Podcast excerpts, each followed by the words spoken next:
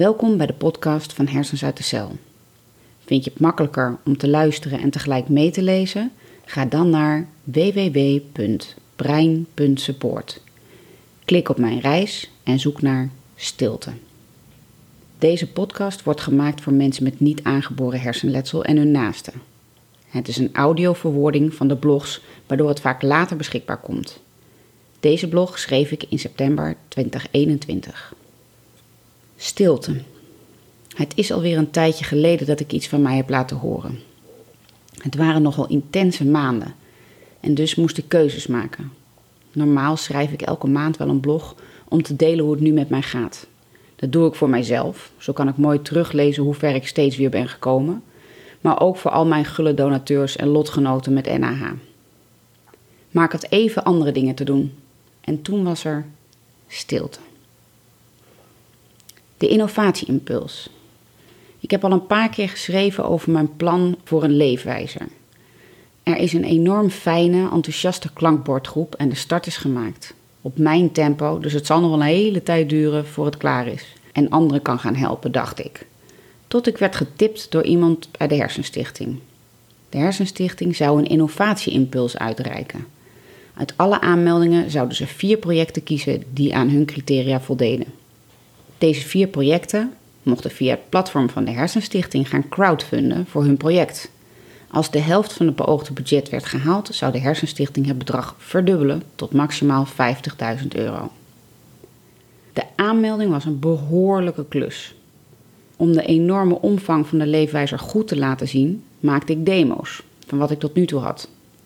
Het formulier voor de aanmelding was uitgebreid in de gevraagde informatie, maar beperkt in de antwoordruimte.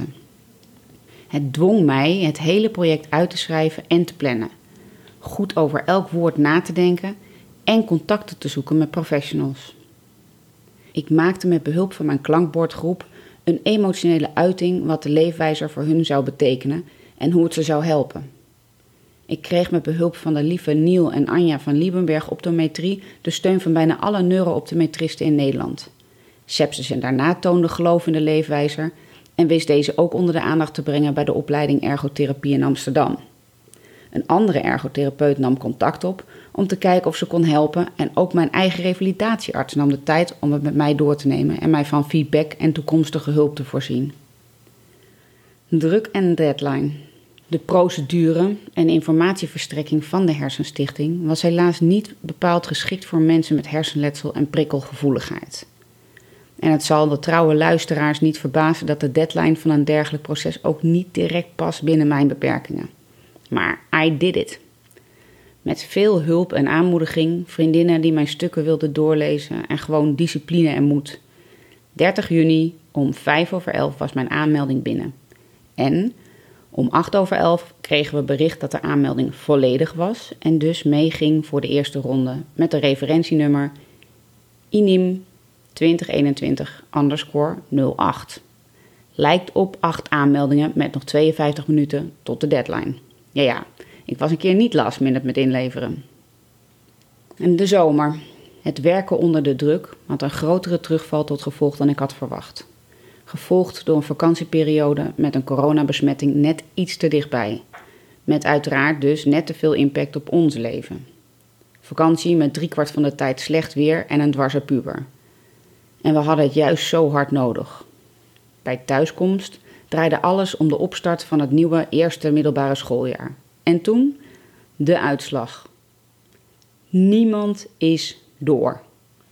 Serieus, na alle inzet, struggles, energie en tijd van alle deelnemers en mijn terugval. Ik was veel liever afgevallen zodat anderen de doelgroep wel hadden kunnen helpen dan dit. Niemand gaat door. Niemand krijgt de kans om mensen met hersenletsel sneller te helpen. De jury heeft bedacht dat er geen van de aanmeldingen innovatief genoeg was. Voor ons was het natuurlijk even een ongenuanceerde rollercoaster kort na de mail. Het waren vooral de reacties van iedereen die betrokken is, die mij raakten en aan het denken zetten. Want als mijn plan niet innovatief genoeg is, waarom dan niet? Toon mij dan waar en hoe ik kan krijgen wat ik nu maak. Want ik heb er behoefte aan en ik heb het in ruim negen jaar niet kunnen vinden. Bovendien, met mij de hele klankbordgroep En de professionals die ze dagelijks begeleiden ook niet. Toen ik besloot mee te doen, wist ik al snel dat het hoe dan ook iets zou gaan opleveren. Het hele proces van aanmelden dwong mij te kijken naar projectonderdelen om uit te besteden. Ook ontstond er een uitgewerkte planning en moest ik mijn plan onder de aandacht brengen bij professionals die het in een later stadium bij de juiste gebruikers zouden kunnen aanbevelen. De reacties waren heel positief en er ontstond het vermoeden dat niet alleen mensen met NAH door een sepsis hiervan kunnen profiteren, maar ik ook veel mensen interesse hoor tonen met PCS, post-concussion syndrome, ME, MS, burn-out, depressie, etc. etc. De aanmelding maakt het plan en de route duidelijker. De noodzaak helderder, de steun tastbaarder en het draagvlak is een fundament geworden. Niet slecht. Stilte. Onwetendheid blijkt soms een zegen. Nu ik een tijdsplanning heb voor de leefwijzer en de subsidie niet doorgaat, voel ik me verlamd. Precies waar ik bang voor was en wat ik dus vooraf heb geprobeerd te voorkomen. Zonder financiële steun gaat het natuurlijk nog langer duren voor het af is. En ik vraag me af of ik zoveel werk wel in mijn eentje kan verzetten voor zo'n lange tijd. Nu ik weet wat de route precies is en wat alle stappen zijn, kan ik dat niet meer vergeten. Al kan ik veel meer dan voor Cognitive FX. Een dag van acht uur achter een scherm is echt een illusie. De druk van de planning voelt nu als een deadline en die maakt me ziek. De tijd verlengen en accepteren dat het ook vijf jaar mag duren werkt nog minder motiverend.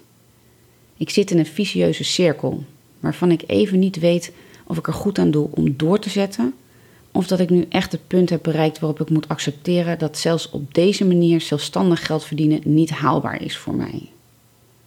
Wie de tip heeft, mag het zeggen. Voor nu heb ik meer verdriet en een gevoel van eenzaamheid door mijn plannen, dan dat ik er lol eraan ervaar. Ik zou bijna zeggen dat ik liever nooit mee had gedaan met de innovatieimpuls, maar dat is ook niet waar. Het voelde wel rete goed om weer een zo operationeel en projectplan te schrijven. Ik mis mijn brein.